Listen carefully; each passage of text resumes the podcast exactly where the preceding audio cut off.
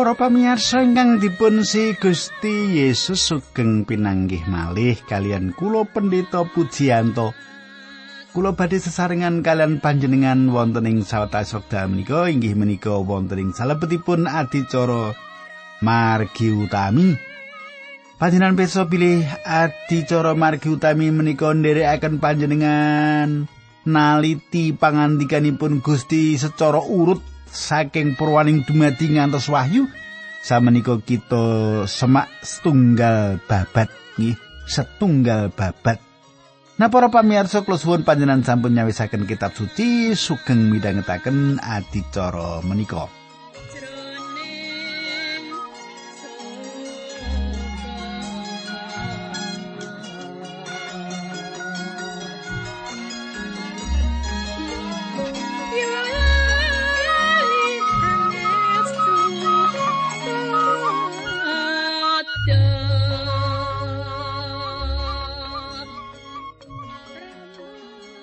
Para pamirsa menapa panjenengan tasih kemutan menapa ingkang kula aturaken duk nalika pepanggihan kepengker nggih.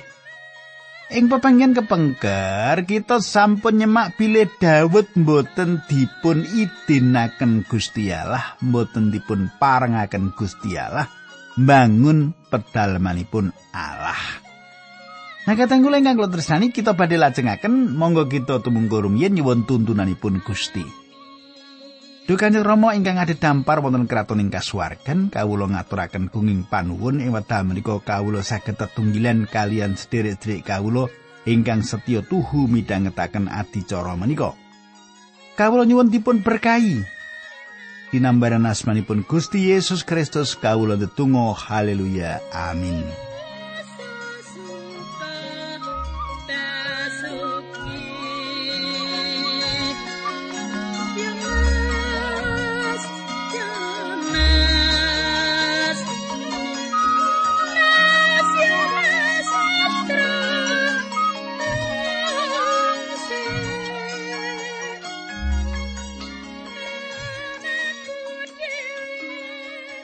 Para pamirsa, samenika pasinaon kita sampun lumebet ing kitab setunggal babat bab likur.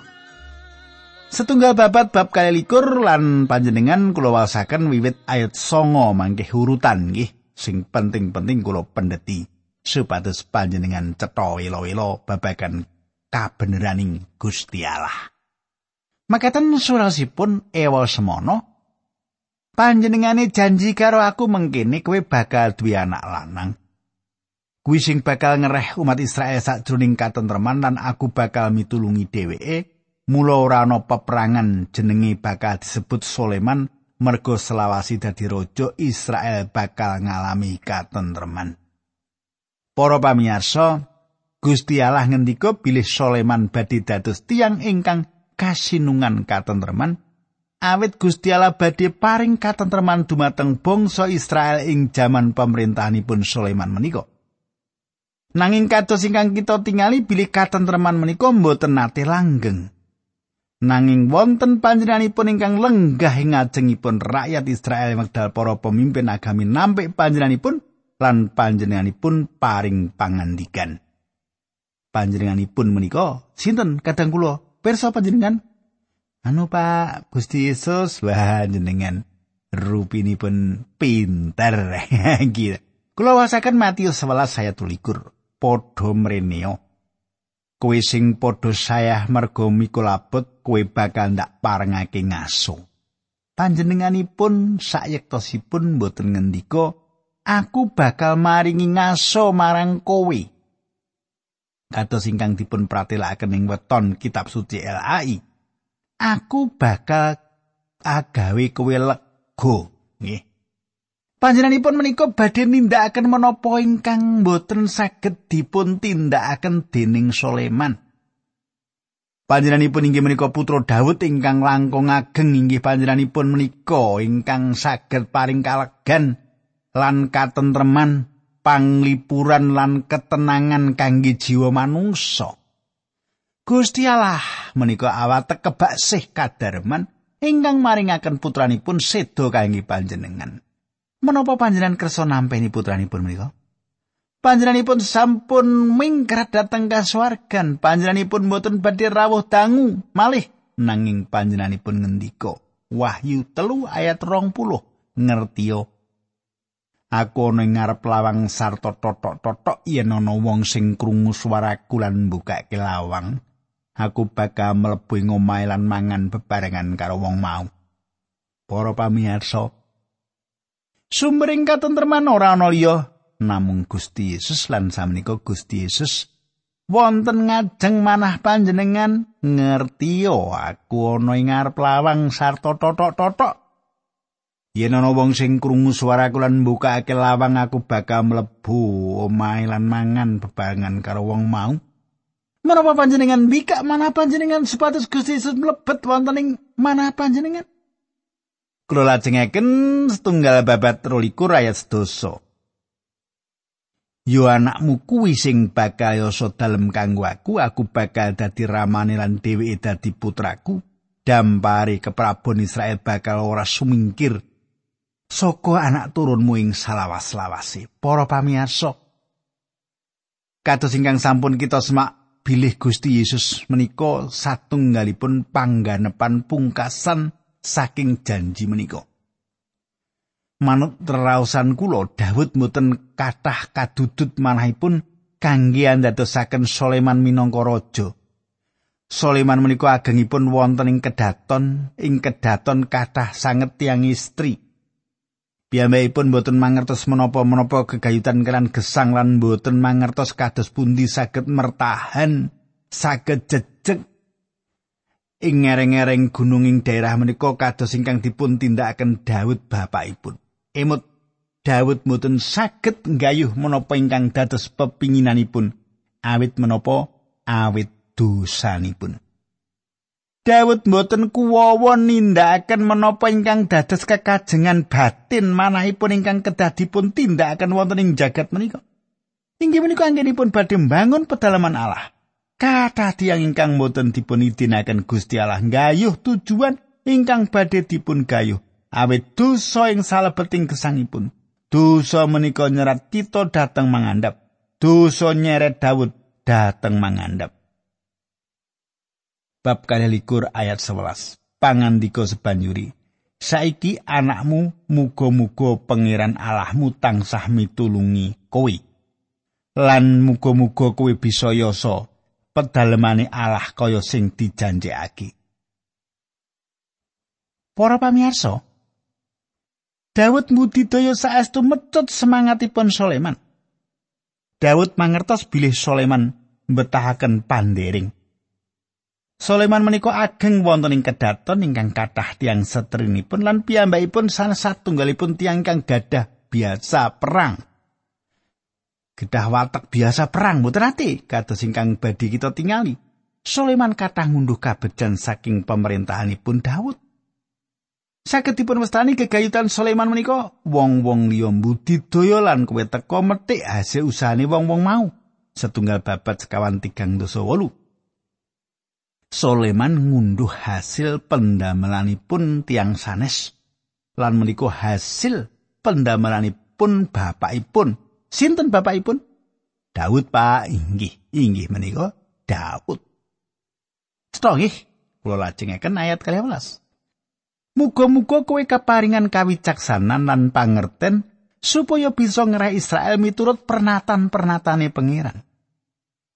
Para pamirsa, Daud sawek mecut larinipun supados nganut cara-cara ingkang Gusti Allah kersakaken. Kulo pikir Daud sampun naliti sawetawis karingkian lan kulo yakin Batseba sampun naliti sawetawis saking karingkianipun Sulaiman. Salah satunggal watek wantu menika inggih menika karingkianipun dumateng tiang setri. Inggih menika pituturipun Daud dumateng Sulaiman ingkang sawek kita waos.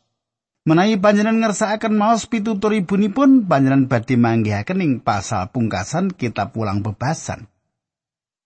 Samenika ayat 13. Yen kowe nglakoni sakae pernatane pengiran kang kaparingake marang Israel lantaran Musa, kowe mesti bakal oleh gawe kowe kudu kendel lan tatak aja wedi ngadepi apa wae Para pamirsa Daud mangertos bilih Soleman badhe kecalan semangat piyambakipun mangertos Soleman menika tiang ingkang ringkih. Daud sanjang supados Soleman dados tiang jaler, dados kiat lan kendel. Kula lajengaken bab kalih likur ayat kawan belas. Kelawan kerkoso anggon kung nglumpukake mas 3400 ton seloko 34.000 ton kanggo yasa pedalemane Allah. Kejaba kuwi ana prunggulan wesi sing ora kena diitung pira akeh, kayu lan watu wis tak cawisake nanging isih kudu kok tambahi meneh. Para pamirsa, Daud paring dawuh dumateng Sulaiman supados mboten ngendhekaken anggenipun bangun pedalaman menika. Sulaiman mboten kenging keseso. Sulaiman mboten badhe katelasan bahan bangunan. Daud sanjangi wekdal piyambakipun katempuh ing kangilan gesang. Saben dinten piyambakipun budidaya kanthi saestu kados pundi saged mbangun kerajaan. Piyambakipun sampun nindakaken pendamelan nglempakaken bahan-bahan kangge mbangun pedalaman Allah. Gusti Allah nyerat sedaya ingkang dipun tindakaken. Gusti Allah sampun mirsani menapa ingkang wonten ing salebetipun manah Daud. Inggih menika sebabipun Daud dipun sebat minangka tiyang ingkang caket kalian manahipun Gusti Allah. Gusti Allah ngersakaken patrap ingkang kados makaten menika, patrap menika ngatingalaken ajining kasukman langkung saking samudayanipun. Para pamirsa, menapa sejatosipun tujuan gesang panjenengan? Pepinginan ingkang ngesrong menapa ingkang wonten ing manah panjenengan? Tiang sanjang pilih jaman samenika kita gadah generasi nem-neman ingkang boten gadah tujuan utawi sasaran ing salebetipun gesang menika. Lari-lari menika ageng ing tengah-tengahipun keluarga tanpa wonten pengarahan kekristenan. Mboten wonten undring kawigatosan ing satunggalipun bab ingkang aji, satunggalipun perkawis ingkang luhur lan ageng. Lari-lari menika mboten pikantuk pengarahaning keluarganipun lan mboten pikantuk pengarahaning sekolahanipun. Sekolah-sekolah menika mboten nindakaken tugasipun manut kula. Sekolah-sekolah menika mboten ngladosi tujuanipun saderengipun nyukani pelatihan moral lan pengarahan ugi njejekaken disiplin dumateng para nem-neman menika. Menawi nem-neman mboten pikantuk pengarahan wonten ing griya wonten sekolahan dados menapa? Neneman menika? Nggih, kadang kula. Panjenengan minangka jejere wong tuwa menawi gadah nem-neman wonten griya panjenengan. Panjenengan ketah ngarahaken nem-neman panjenengan. Ora lali karo Gusti Allah. Ora lali ngabekti. Para pamirsa menapa tujuan saking gesang menika? Kenging menapa kata nem-neman ingkang pecah nglalu Kenging menapa nem-neman menika mboten gadah kendali mriko mriki tanpa tujuan. Dawet ing mriki sawak maringi wucalan dumateng lare jalanipun. Piyambakipun sanjang kowe duwe tujuan kang aji mbangun pedalaman konjuk Gusti Allah. Katikismus meratelaken satunggalipun pitakenan apa tujuan utama manungsa urip. Jawabanipun inggih menika tujuan utama manungsa urip yaiku ngluhurake Allah lan ngrasakake kaananane ing salawase. Kulo gadah pengajeng-ajeng kulo saged damel panjenengan gadah semangat ing salebetipun Gusti Yesus Kristus. Kulo gadah pengajeng-ajeng saged adamel panjenengan saestu-estu kadudut manahipun panjenengan kalian pribadi Gusti menika. Para pamirsa, Gusti Yesus Kristus sampun paring janji dumateng kulo lan panjenenganipun sampun paring janji dumateng panjenengan bilih kita badhe tansah manunggal kalian panjenenganipun selami-laminipun. Awit panjenenganipun menika Gusti Allah. Marginipun badhe tetep langgeng lan mimpang, mboten margi panjenengan lan kula panjenenganipun kagungan satunggalipun perkawis ingkang luhur ingkang ketingal. Kula mboten gadah perkawis menika, awit kula mboten mangertos menapa ingkang badhe dumados sing jawi mriku nanging kula kadudut manah kula gegayutan menapa ingkang sampun dipun tindakaken atas kula kita sedaya kedah saged sanjang sesarengan kalian Rasul Paulus bilih piyambakipun Dene aku mlayu ngener marang tujuanku supaya oleh ganjaran mau, ya kuwi timbalane Gusti Allah urip anyar sing dicadhangake lantaran Sang Kristus Yesus. Filipi 3 ayat 18. Daud inggih menika ingkang caket kalian manahipun Gusti Allah. Awit piyambakipun gadah satunggalipun perkawis ingkang luhur. Gadah satunggalipun perkawis ingkang agung. Gadah satunggalipun perkawis ingkang mulya ing manahipun. Panjenengan kados pundi? Menapa panjenengan gadah manah ingkang luhur? gadah manah ingkang agung? Gadah manah ingkang mulya ing manah panjenengan kateng kula panjenengan saged mawas badan panjenengan piyambak. Kula lajengaken ayat kang 11. Kowe mbutuhake tenaga akeh kaya to, tukang ukir watu, tukang kayu, tukang batu lan akeh meneh wong ahli kanggo nandangi pegawean. Para pamirsa panjenengan semak piyambakipun sampun ngerancang sesarengan kalian hiram kangge mbangun sedaya bangunan ingkang kula jengaken piyambakipun menika Daud Samenika ayat 16. Kanggo nggarap masloko prunggulan wesi wis inggal tumandango muga-muga pangeran mitulungi kowe. Para pamirsa monggo panjenengan semak para nem-neman. Ing mriki wonten sasaran ingkang saestu aji. Ayat pitulas ngantos songolas Raja Daud dawuh marang para pemimpin Israel kabeh supaya padha miyantu Sulaiman pangandikane pangeran Allahmu wis mitulungi kowe sarta paling pangluaran lan katentreman. Aku diparingi bisa nelokake sakai bangsa sing biyen manggon ing tanah kene. Saiki bangsa-bangsa kuwi wis tunduk karo kowe lan marang Allah. Dadine kowe padha ngabdi marang pangeran Allahmu kelawan badan lan nyawamu, padha miwitono ngedekake pedalemane Allah supaya peti perjanjian Allah lan bekakas liya-liyane kanggo ibadah bisa tumuli dipapanake ing kono. Para pamirsa panjenengan tingali Daud paling dawuh dumateng para pemimpin Israel supados sugi nderek cawe-cawe ing salebetipun proyek menika. Samenika kadang kula sinten kemawon panjenengan. Kula matur panjenengan menika awit panjenengan tiang Kristen nggih. Panjenengan saged ugi sampun sujud ngantos dumugi tingkatan ingkang saestu asor ing salebetipun gesang panjenengan. Saged ugi menapa ingkang panjenengan tindakaken wonten ing gereja namung gosip utawi ingkang panjenengan tindakaken inggih menika pados-pados kalepatan pendeta. Saged ugi panjenengan boten dosa nindakaken perkawis-perkawis menika nanging panjenengan boten nyepengi janji namung nginten-nginten. Panjenengan boten nindakaken menapa-menapa. Kula gadah kekajengan nangekaken panjenengan lan sanjang.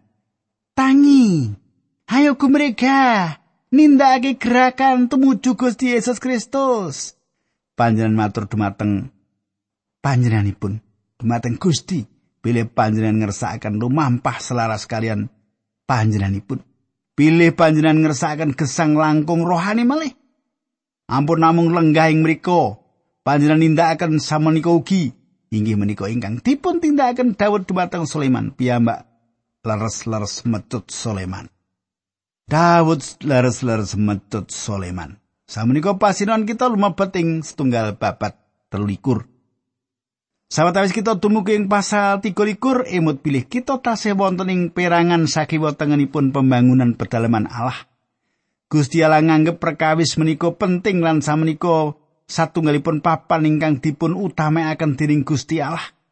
Dawud ugi nganggep perkawis ingkang penting piyambalan kita ningali langkung kathah gegayutan semangatipun kangge ngibadah dumateng Gusti Allah ing salebetipun pengaturan-pengaturan ingkang dipun tindakaken. Menapa panjenengan saestu estu ngrumiyenaken Gusti Allah ing gesang panjenengan? Menapa karawan Gusti menika andadosaken panjenengan kapecut semangat panjenengan? Menapa panjenengan abinga-abinga ing salebeting gegayutan kala wau? Menapa panjenengan nindakaken satunggalipun perkawis kangge Gusti Allah? Menapa Gusti maringi pengaran lan tujuan kangge gesang panjenengan? Menapa panjenengan gadah kekajengan ingkang saestu itu ngersakaken tebang kalian panjenenganipun lan ngladosi panjenenganipun. Daud sawek makarya kunjuk Gusti Allah lan piyambakipun mecut Sulaiman larinipun supados makarya lan bangun pedalaman Allah ingkang ageng menika. Samenika bab 13 ayat tunggal bareng wis sepuh banget Raja Daud banjur ngangkat Sulaiman dadi raja ing Israel. Para pamirsa panjenengan gatosaken. Daud samenika ngangkat Sulaiman minangka jejeripun raja ngentosi piyambakipun. Saged ugi panjenengan tanglet apa kang dadi jalaran patini. Daud sampun nglampahi gesang mataun-taun inggih menika kang dados jalaranipun lan menika ugi perkawis ingkang ugi kita gadai. Ayat kali lan tiga, Raja Daud nglumpukake para pemimpin Israel lan para imam kabeh sarta wong Lewi. Wong lanang saka tar Lewi sing umur telung puluh mendhuwur dicatet kabeh cacahe telung puluh wolu ewu. Para pamirsa ing wekdal tiang Lewi dipun etang gunggungipun sawetawis tiang-tiang Lewi menika medal saking Mesir. Gungungipun tiang Lewi menika wonten 8000 tiang. Samenika gungungipun sampun 38.000 tiang. Gungungipun tambah kados ingkang dipun ngendikaken Gusti Allah mboten namung Daud nglempakaken bahan-bahan kangge kegiatan bangunan pedalaman Allah nanging piyambakipun ugi ngatur tiang-tiang Lewi supados ngladosi ing mriku. Samenika bab 13 ayat sekawan ngantos gangsa sing 24.000 didadekke punggawa sing ngawasi pegawean ing pedalaman Allah wong 6000 didadekke punggawa administrasi lan pengadilan. Wong 4000 didadekke punggawa keamanan wong 4000 diangkat dadi ahli musik sing gaweane menyanyi lan nggunakake alat musik sing cemawe sing kuno. Para pamirsa Daud kathah nengenaken musik. Panjenan gegilut perkawis menika, patang ewu tiang muji Gusti ngangge alat-alat musik. Panjenan tasih imut tiang lewing lados sing kemah suci, keluarga Harun minangka jejeripun imam lan tigang keluarga Lewi nindakaken kewajibanipun. Ayat 6. Raja Daud ngedum wong Lewi dadi telung golongan miturut gotrae ya kuwi gotrah Gerson, gotrah Kehat lan gotrah Merari. Para pamirsa keluarga Gerson, Kehat, lan Merari sedayanipun gadah tugas-tugas ingkang mligi ing salebetipun ngrimat kemah suci. Ing salebetipun pangumbaran ing ora samun tiang-tiang menika gadah tanggal jawab mindahaken kemah suci. Tiang-tiang menika mbongkar lan masang malih. Keluarga Gerson beto geber lan payung kemah, keluarga Kehat beto perabot kemah suci. Warga merari meto kajeng lan payung kemah. Keluarga kohat meto. Lintang cagak-cagak lan cagak latar. Sahabat kita ningali ing salebetipun kita pulangan. Tugas menika cekap arat kangge bika kemah suci ing dinten injang lan masang malih ing wanci sonten lan nyawisaken sarana kangge nindakaken ibadah. Kula lajengaken ayat 6 likur. Mulane kemah palenggahane Allah lan bekakas-bekakas sing dinggo ing pangibadah ora perlu dipikuli meneh dening wong Lewi. Para pamirsa tugas tiang Lewi kangge gotong prabot kemah suci sampun rampung. Samenika tiang-tiang menika gadah peladosan ninggal kangge Gusti Gusti Allah sampun nangekaken kata organisasi Kristen zaman samenika ingkang sae. Salajengipun sesampunipun organisasi-organisasi Kristen menika nindakaken tujuanipun organisasi-organisasi Kristen menika mbudidaya supados tetep lumampah. Sawetawis santawisipun organisasi Kristen menika kedahipun sampun sirna awit organisasi Kristen menika mboten nindakaken peladusan ingkang sae. Emetal Gusti sampun rampung nindakaken samukawis. Panjenenganipun sampun rampung, sampun wekdalipun kangge miwiti satunggalipun perkawis ingkang inggal dumateng tiang Lewi. Gusti Allah ngendika kita ora bakal meneh mlaku ngumbara ing ora samun saiki kita wis duwe pedalaman lan pelayananmu beda. Oh mitra kula monggo kita terus nganut penapa ingkang dados lampahipun Gusti Allah lan nindakaken perkawis ingkang gesang lan makaryo para pamirsa tiang Lewi samenika gadah satunggalipun ibadah inggal. Kajeng ingkang kangge ngusung sampun dipun uculi saking peti perjanjian. Pati perjanjian menika mboten badhe dipun pindahaken malih. Pati perjanjian menika badhe tetep wonten ing Yerusalem ing papan pangilingan gandum arauna. Daud sampun numbas tanah menika lan pedalaman Allah badhe dipun bangun wonten ing mriku. Ing pedalaman Allah badhe wonten kathah perkawis ingkang dipun tindakaken tiang Lewi. Dados Daud ngatur tiang-tiang Lewi. Dipun atur golongan-golongan selaras kalian tugasipun. Dipun pilih kanthi mbucal undian. Tiang-tiang Lewi badhe ngladosi sadangunipun wekdal ingkang sampun katentokaken salajengipun tiang-tiang Lewi menika badhe pensiun mboten nyambut damel inggih menika cara Daud ngatur ibadah ing pedalamanipun Allah. Para pamirsa, kula cekapi semanten rumiyin kita ndedonga. Dukani Rama ing swarga kawula matur nuwun sanget menawi kawula saged tetunggilan saged midhangetaken sabda pangandikan paduka. Berkahi kawula linambaran asmanipun Gusti Yesus Kristus kawula ndedonga. Haleluya. Amin.